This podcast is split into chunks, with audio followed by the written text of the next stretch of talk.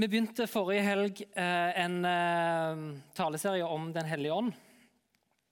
Eh, da snakka jeg litt om hvem, hvem er Den hellige ånd. Litt om treenigheten og litt om pinsedag, at vi ble gitt Den hellige ånd. Og neste helg så skal jeg snakke om åndens gaver.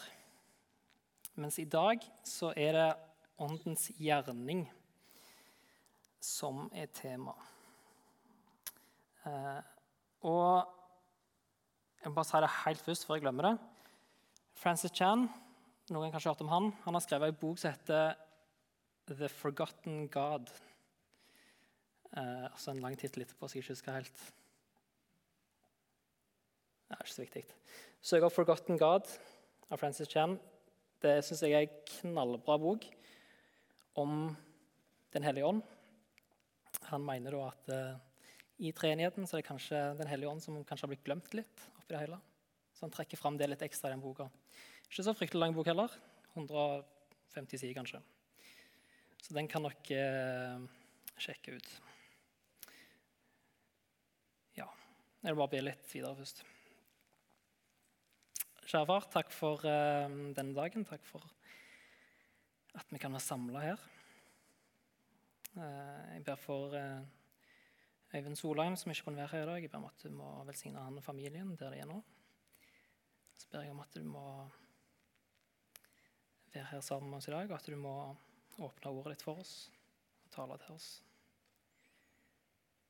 I ditt navn, Jesus. Amen.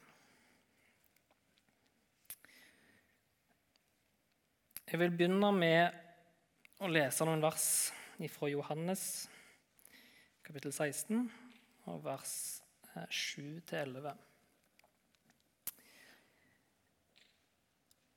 og det er Jesus som sier dette. Men jeg sier dere sannheten.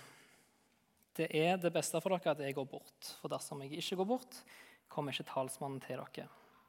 Men går jeg bort, kan jeg sende den til dere. Og når han kommer, skal han gå i rette med verden og vise den hva synd er, hva rettferdighet er, og hva dom er. Synden er at de ikke tror på meg. Rettferdigheten er at jeg går til far, og dere ser meg ikke lenger. Dommen er at denne verdens første er dømt.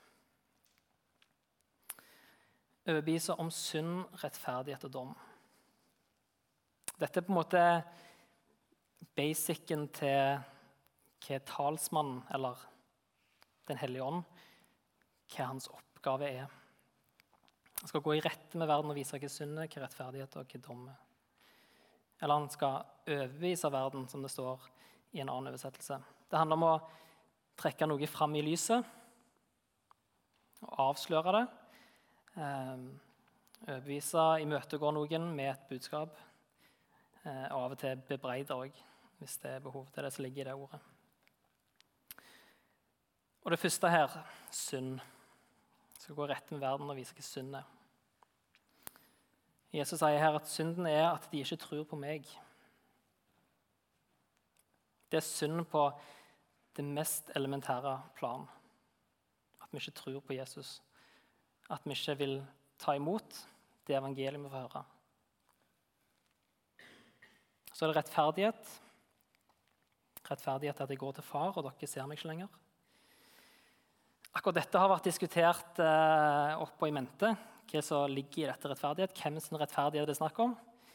Eh, noen, noen karer som f.eks. en som heter Luther, en som heter Augustin, de mente at dette handla om eh, ens egen rettferdighet, altså vår rettferdighet. Altså at det handler om at Ånden viser oss at det er én vei til frelse for at vi skal bli rettferdige, og det er ved Jesu død oppstandelse. At pga. dette så kan vi bli tilgitt og stå rettferdig for Gud. Det var den ene leiren. Så var den andre leiren som mener at dette peker heller på Jesu rettferdighet. Altså Jesus ble dømt på korset som en urettferdige. Men så skal Ånden gå i rette med oss og vise oss at uh, han var faktisk ikke urettferdig. Jesus hadde rett, og han var rettferdig. Uh, ja, og Begge disse to tolkningene, det er jo ikke noe galt i noen av dem. Og Det er litt vanskelig å komme fram til hvilken som er den som siktes til. Men jeg tenker at eh, jeg tror Ånden vil overbevise oss om begge disse to tingene. Uavhengig av hva som var akkurat i dette verset. Og så er det siste dom. Dommen er at denne verdens første er dømt. Ånden skal vise oss at Jesu død ikke var en seier for djevelen, men at ved Jesu død oppstandelse så ble djevelen dømt. Han ble beseira, og at hans makt ble brutt.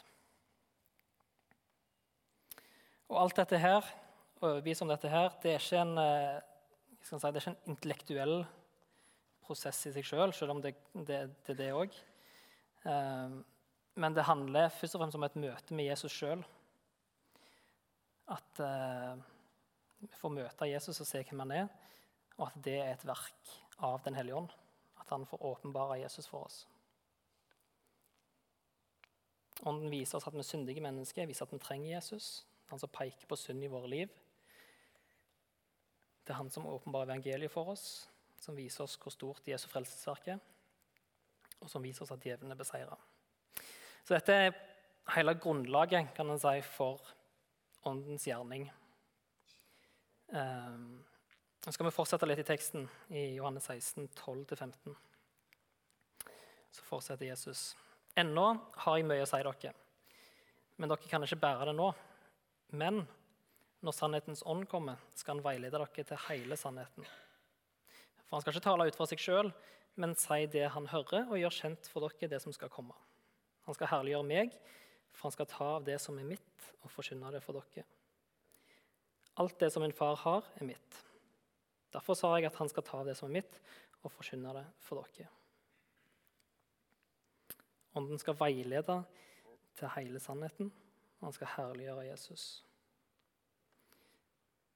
Så hvis en skal ha et sikkert tegn på at eh, Ånden virker, så er det at Jesus blir stor ikke mennesker, men at Jesus blir opphøya.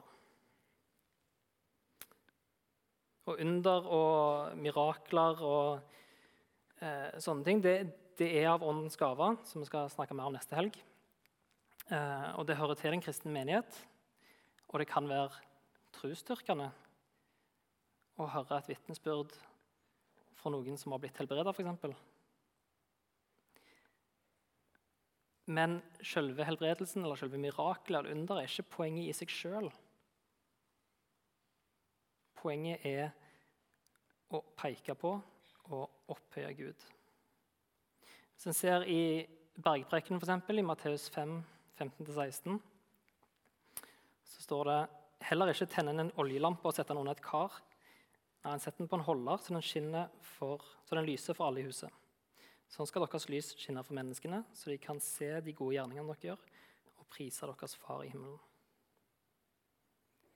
Folk skal se de gode gjerningene, men de skal ikke prise den som gjør de gode gjerningene. Det er ikke poenget.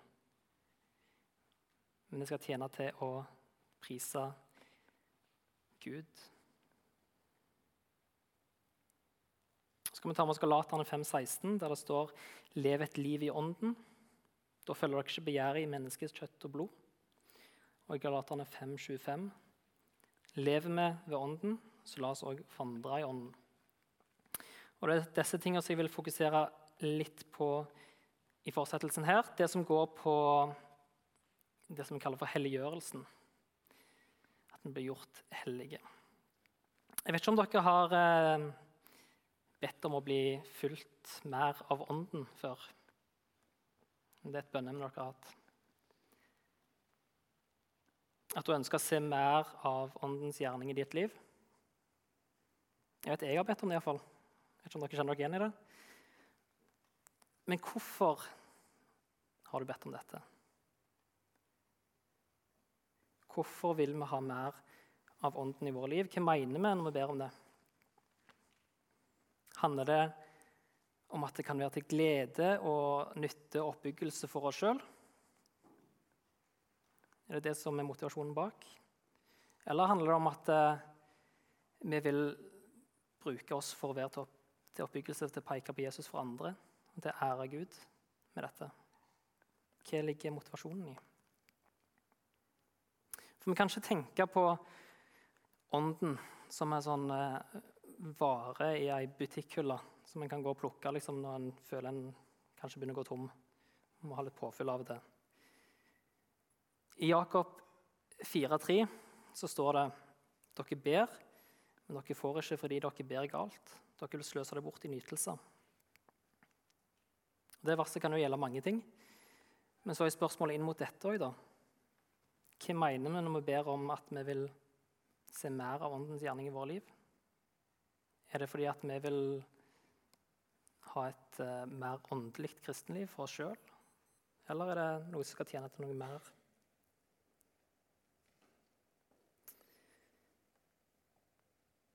Ånden han gir ikke ut noe på slump.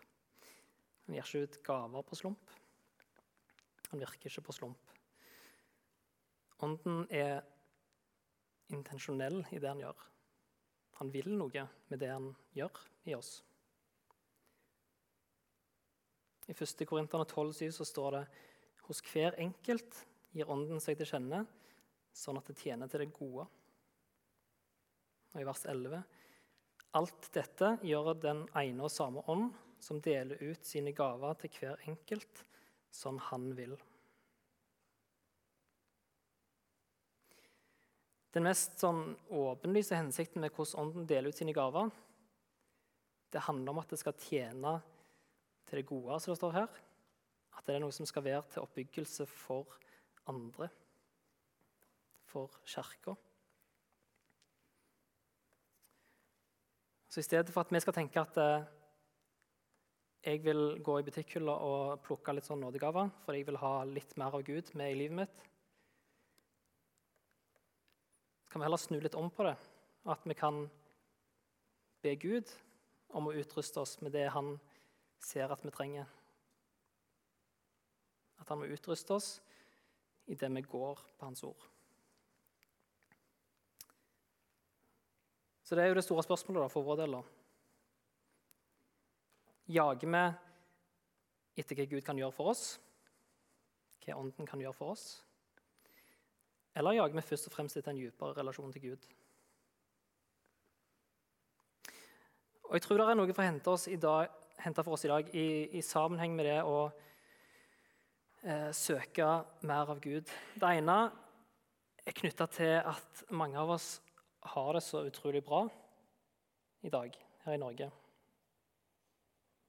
Vi er så heldige. Vi har så mye å være takknemlige for, sånn som Lydia snakka om for noen helger siden. Eh, vi har det så komfortabelt. Og Når Den hellige ånd kalles for hjelperen og trøsteren og Hvorfor skulle vi trenge dette når vi, når vi har det så behagelig? Hvis vi aldri kjenner på at vi er avhengige av at Gud er med oss, at vi trenger å bli veiledet. Hvor mye kjenner vi egentlig på om Gud er med oss eller ei i hverdagen? Hvor, hvor, viktig er det for oss hvis vi ikke gjør oss avhengige av det?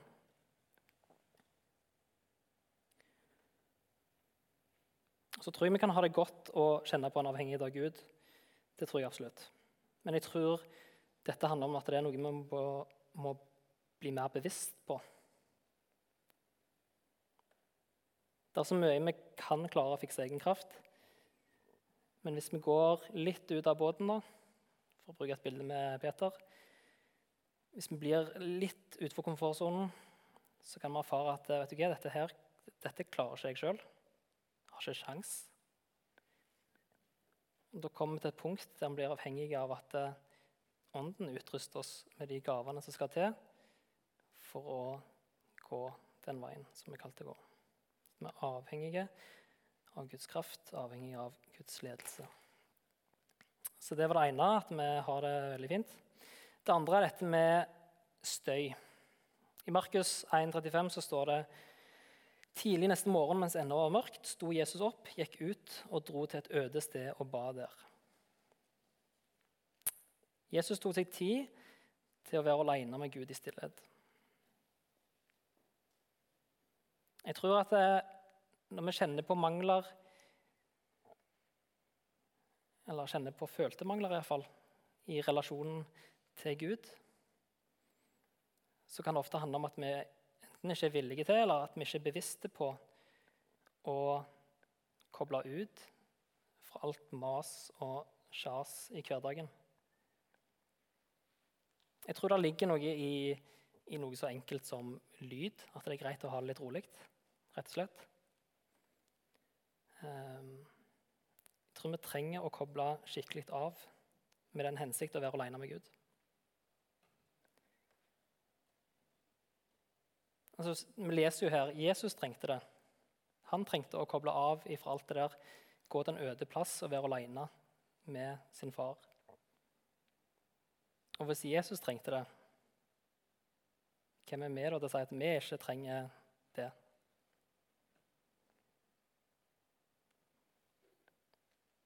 Det å være stille, det å lytte til Gud, det å fjerne distraksjoner, det, det er på en måte en åndelig disiplin, om man skal kalle det det. Det er noe som en må være bevisst. Det er ikke noe som skjer av seg sjøl, at eh, plutselig en dag så var det helt stilt rundt meg og var helt alene. Og Da passer det veldig fint å lese Bibelen. Det er som regel ikke sånn det funker. En må være bevisst på å søke det. En må kanskje øve på det. En må kanskje bygge vaner til dette. Men når vi øver på det, når vi blir bedre på dette, så kan vi bli leda til en dypere relasjon med Gud ved Ånden. Og Så vil jeg litt inn på dette her med at Ånden leder oss. For det en egentlig sier når han sier at en vil ha, vil ha mer av Ånden Det en egentlig sier, da, er at eh, jeg vil bli ledet av Ånden. Det er praksis det en sier. Og Jeg tror mange av oss vil være enige å si det, at ja, jeg har lyst til å bli ledet av Den hellige ånd. Men hvis en tenker litt over det, så er det kanskje òg en litt sånn skummel ting å be om. Det er greit nok hvis dette passer med alle mine planer. som jeg hadde allerede. Men hvis det går utover det, hvis det krever at jeg må gi avkall på noe som jeg ikke er klar for å gi avkall på, så det er klart at det koster. Hva hvis det innebærer å slutte jobben, bytte studie, flytte til en annen plass? Er det noe som jeg ville vært villig til å gjøre? Er vi da klare for å bli ledet? Så det store spørsmålet da, i forhold til å bli ledet av Ånden, det er jo Har du lyst til å lede eller å bli ledet av Ånden?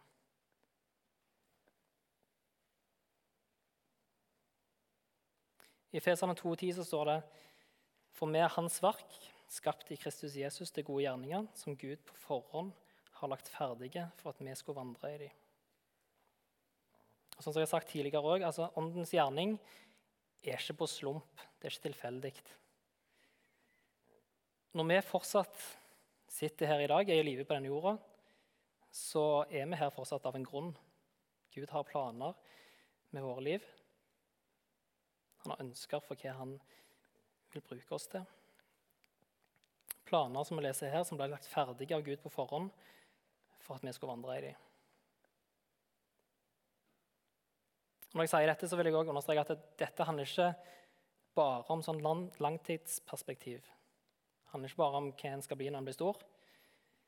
Men det handler om at Gud har planer i dagliglivet òg. Som vi kan få lov til å vandre i.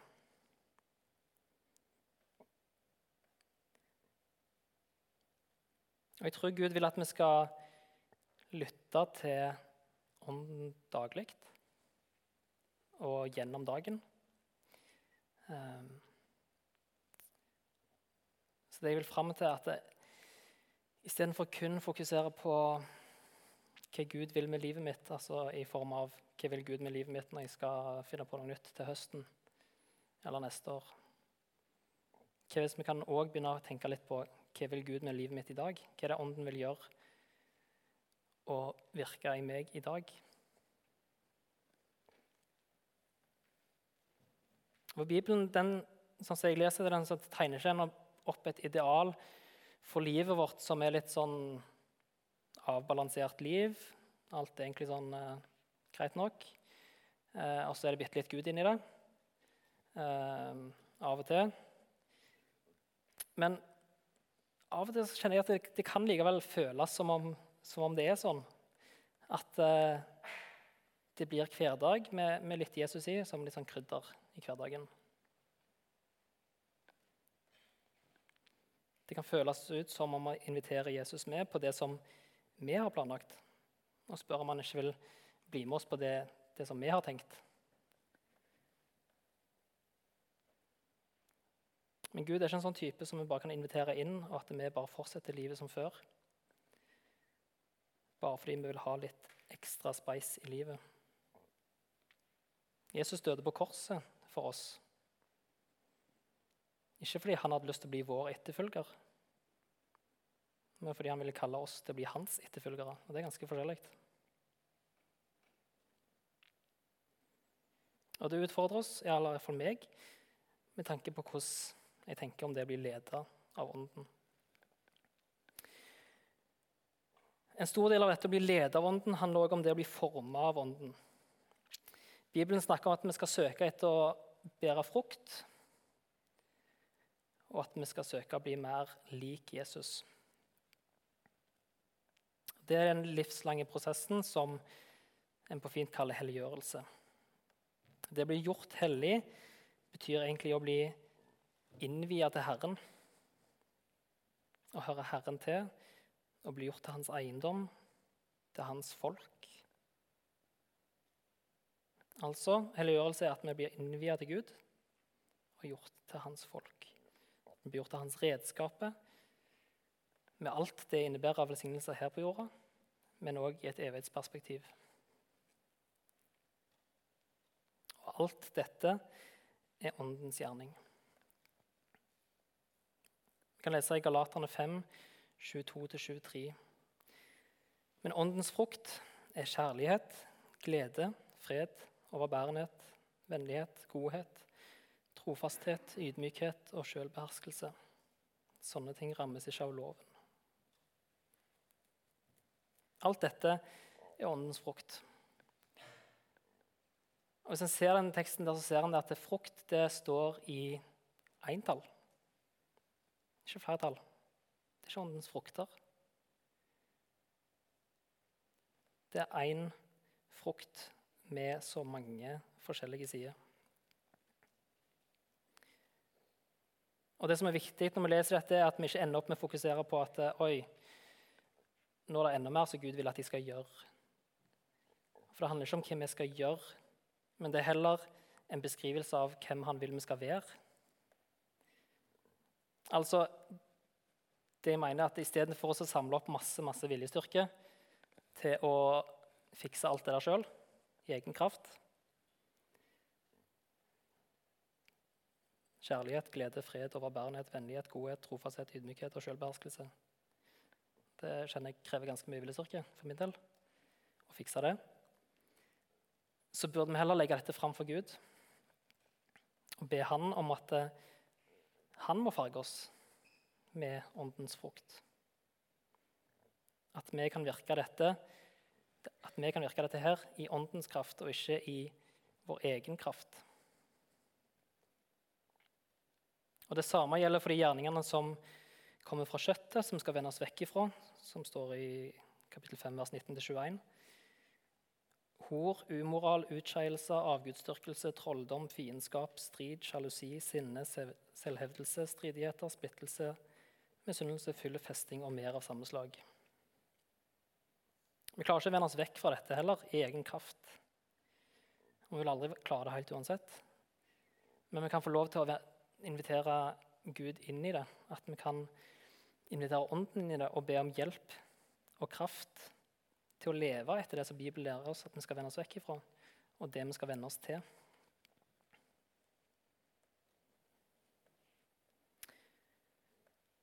Så når vi gir oss over til Åndens ledelse og veiledning, så blir vi helliggjort. Vi blir mer hellige, vi blir mer innvia til Gud, mer lik Jesus. Og Det er en livslang prosess som handler om én å korsfeste kjøttet, og to vandre i ånden. Det står det om i Galaterne 5, 24-25. Altså, vi skal korsfeste kjøttet med dets lidenskaper og begjær. Det er ikke akkurat en, en sånn barnevennlig språkbruk som brukes. Um, Gud er ganske tydelig på hva han kaller oss til. Åndens gjerning i oss er ikke bare for vår egen glede og fordel, men ånden er meint til å lede oss til å bli mer lik Jesus. Og Kanskje har du ikke tatt dette valget sjøl ennå, for det er et valg som en må ta. Å velge jeg vil korsfeste kjøttet, og jeg vil følge Jesus og bli mer og mer lik han. Noe så voldsomt som den språkbruken der å korsfeste kjøttet, det er ikke noe som en som man gjør bare sånn tilfeldig. Det er et valg en må ta.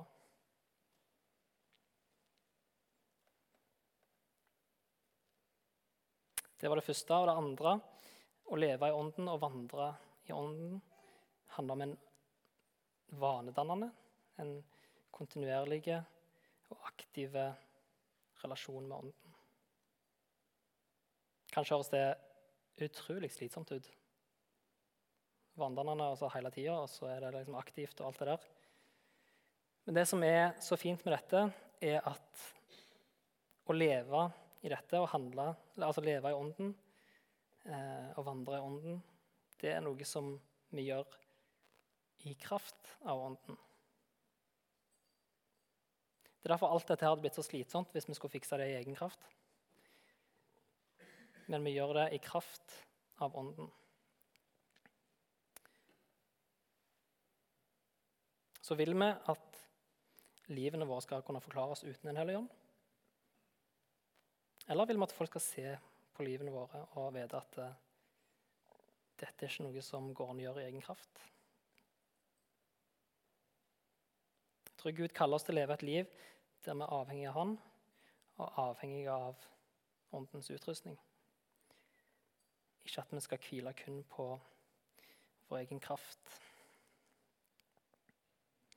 Denne åndens gjerning har òg et utadretta perspektiv. Den handler om en kjærlighet til våre medmennesker. Tar vi Paulus, for eksempel, så skriver han i Filipperne 1, 23-25. Jeg kjenner meg trukket til begge sider. Jeg lengter etter å bryte opp og være sammen med Kristus, for det er så mye, mye bedre. Men for deres skyld er det mer nødvendig at jeg fortsatt får leve. Og fordi jeg er trygg på dette, vet jeg at jeg skal bli i live. Ja, bli hos dere alle og hjelpe dere til framgang og glede i trua. Paulus ønska egentlig å dø, sånn at han kunne komme til himmelen. Men så var han samtidig dratt til å være på jorda for å kunne hjelpe sine medmennesker til framgang i trua, til glede i trua. Det var det som holdt han igjen. Og dette er en del av åndens gjerning som vi innom tidligere, at det skal tjene til det gode. Og som en del av dette så utruster han oss til å være vitne. Ånden er også den som fyller oss med Guds kjærlighet, og den som gjør oss i stand til å elske hverandre. I Romerne 5,5 så står det og håpet skuffer ikke, for Guds kjærlighet er utøst i våre hjerter ved Den hellige ånd, som Han har gitt oss. Paulus skriver også noe om dette i bønnen til Efeserne i Efeserne 3, 16-19. Må Han som er så rik på herlighet, gi deres indre menneske kraft og styrke ved sin ånd. Må Kristus ved trua bo i deres hjerte, og dere står rotfesta og grunnfesta i kjærlighet. Må dere sammen med alle de hellige bli i stand til å fatte bredden og lengden, høyden og dybden, ja, kjenne Kristi kjærlighet som overgår all kunnskap. Må dere bli fulgt av hele Guds fylde. Og Her ser vi også at det er, selv om det er et ut, utøverperspektiv, eller utadrettet perspektiv, så er det òg et innadrettet perspektiv, som kan kalle det. Et av de største aspektene med å være i en relasjon til Ånden er den tryggheten og den trøsten som bare han kan gi. Francis Chan han sier det i denne boka, litt fritt oversatt, at det er kun gjennom denne trøsten at vi kan tjene Gud som et elska barn, heller enn en utbrent, skylddrevet slave.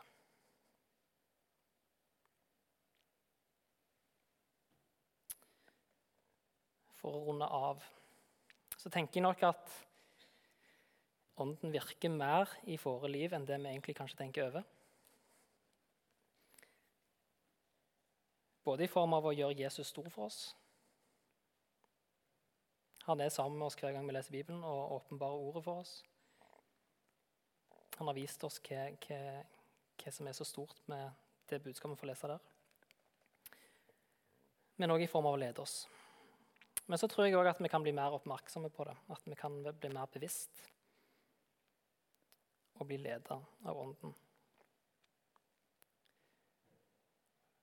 Og jeg tror at Jo mer en gjør seg åpen for å bli ledet av Ånden kontra å lede Ånden ved å bruke tid i bønn, bruke tid i å lese Bibelen, jo mer vil en vokse, og jo mer vil Gud kunne bli æret gjennom ditt liv.